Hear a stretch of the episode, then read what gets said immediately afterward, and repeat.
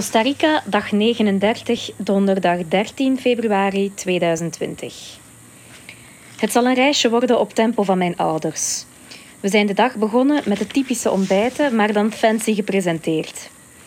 Tijdens het ontbijt gingen we onze dag plannen. Zoveel mogelijk op één dag versus con calma. Het is een mix geworden.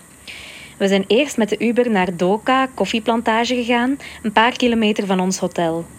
Het was interessant om het hele koffieproces te zien en te horen.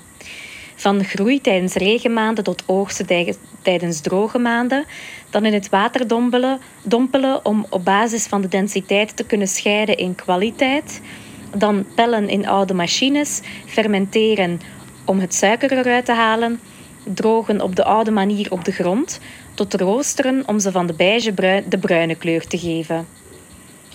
Nadien liepen we er nog wat rond. Er is daar bijvoorbeeld ook een butterfly farm. De gemiddelde bezoeker is een 62-jarige Amerikaan met witte sokken in sandalen. Daarna zijn we onze huurauto gaan oppikken. Echt een veel te dikke truck. Mama en ik mogen rijden. We zijn vegetarisch gaan lunchen op een adresje van in de Lonely Planet Guide in Alajuela.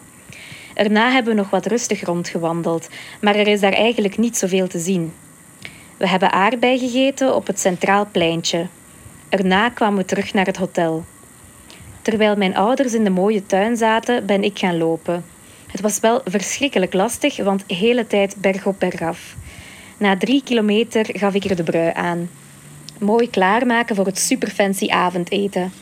Echt smaakbommetjes en mooi gedresseerd. Het is nu kwart na acht en terwijl, terwijl ik alweer de dagboek aan het schrijven ben, zijn mijn ouders al aan het slapen. Dat zal het lastig maken morgen vroeg als zij om zes uur klaar wakker zullen zijn en ik me nog eens wil omdraaien. En voilà.